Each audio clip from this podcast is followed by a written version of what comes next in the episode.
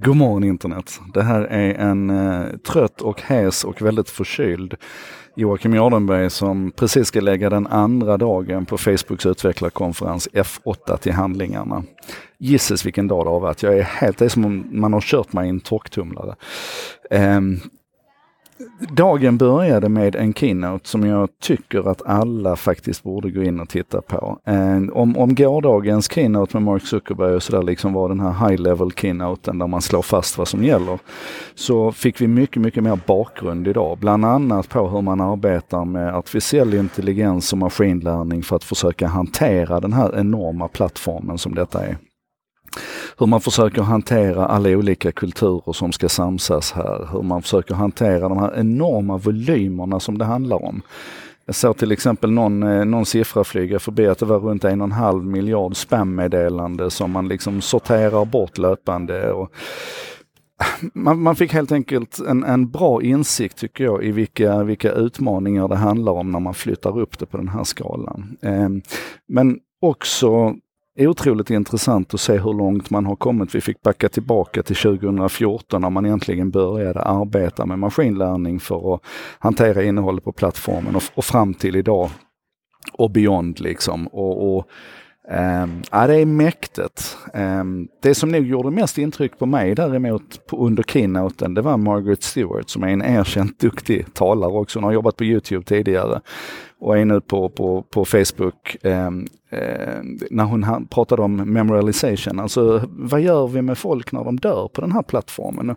Hon började så fint att det finns två saker som alla människor på jorden än så länge i alla fall har gemensamt. Det är att vi föds och att vi dör. Eh, och födseln är ju ofta inte en del av Facebooks problematik, än så länge i alla fall.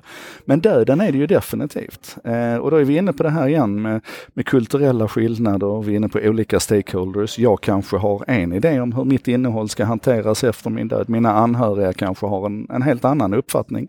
Mina vänner kanske har en tredje uppfattning, samhället kanske har en fjärde.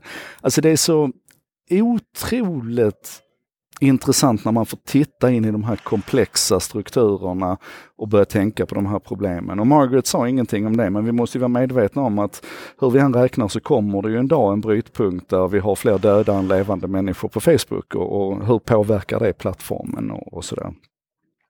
Eh, och, och, som vanligt kopplingar nu till, till Messenger, då, alltså till den, den, privata delen. Ska man liksom kunna fortsätta skicka meddelande till någon efter att de har gått bort och, och vad ska i så fall hända där? Ja, det är grymt spännande. Eh, efter keynoten sen så var det en oerhörd ynnest att få sitta ner i tre stycken runda bordsamtal. Dels med Joaquin Candela som är Director of Engineering Fairness and Bias mycket artificiell intelligens, maskininlärning. Och jag fick bland annat fråga honom om han liksom så rent personligen någonsin känner sig överväldigad av det här den här utmaningen de har framför sig om han tror att man kommer inom citationstecken vinna. Och han, han sa utan omsvep att när han först kom till Facebook så, så var det Ja, man kände sig väldigt liten i förhållande till de utmaningar man står inför. Men att ju mer han har lärt sig om det här och åtminstone börjar förstå vad är frågan, vad är utmaningen, desto tydligare blir det för honom att nej, vi kommer kanske aldrig att vinna, men vi kommer hela tiden att flytta positionerna och bli bättre och bättre och bättre. Um, och min avslutande fråga till honom var egentligen hur det kändes för honom som arbetade så intensivt med de här algoritmerna, att när vi tycker att algoritmen gör fel någon gång och vi ska överklaga eller eskalera en fråga, så landar det i händerna på en människa. Eh, där vi vet att människorna förmodligen har, har mer bias, mer fördomar och, och mer, eh, mer vinklingar än vad, vad AI har idag. Eh, och jag tycker det är en spännande tanke. När kommer vi i ett läge där vi, där vi åtminstone rent tekniskt behöver slå fast att det är bättre att låta AI fatta de här besluten. Jag jobbar ju mycket med Lufthansa till exempel och där har deras VD sagt att det är förmodligen så att vi skulle redan idag kunna konstatera att en autopilot flyger planet bättre än vad en människa gör. Men då hamnar vi i allting som har med optics att göra. Alltså hur ser det här ut? Hur uppfattas det här av samhället? Hur, hur relaterar man till ansvarsfrågor när det är ett AI som råkar störta planet istället för det överseende vi har med en, en mänsklig faktor? Sjukt spännande. Och, och, jag kommer återkomma till allt det här sen, jag måste bara få processa det lite grann. Eh, nästa, nästa möte var med Stan Chudnovsky som alltså är, är oerhört hög höjdare här. Han är Head of Product på, på Messenger, så han är verkligen i stormens öga runt det här. nu. Um, och där pratade vi mycket om det här med end-to-end encryption. Alltså min fråga till honom var att vi vet ju att, att staten och myndigheter avskyr end-to-end encryption. Hur kommer Facebook att kunna hantera det? Och då blir det mycket hänvisningar till den här konsultativa approachen som Facebook har nu. Att det är ingenting som man liksom bara inför så här.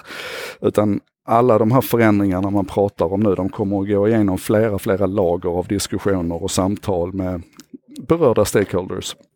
Men han var också tydlig att man kommer inte kompromissa på idén om end-to-end encryption. Det kommer att genomföras, frågan är bara hur.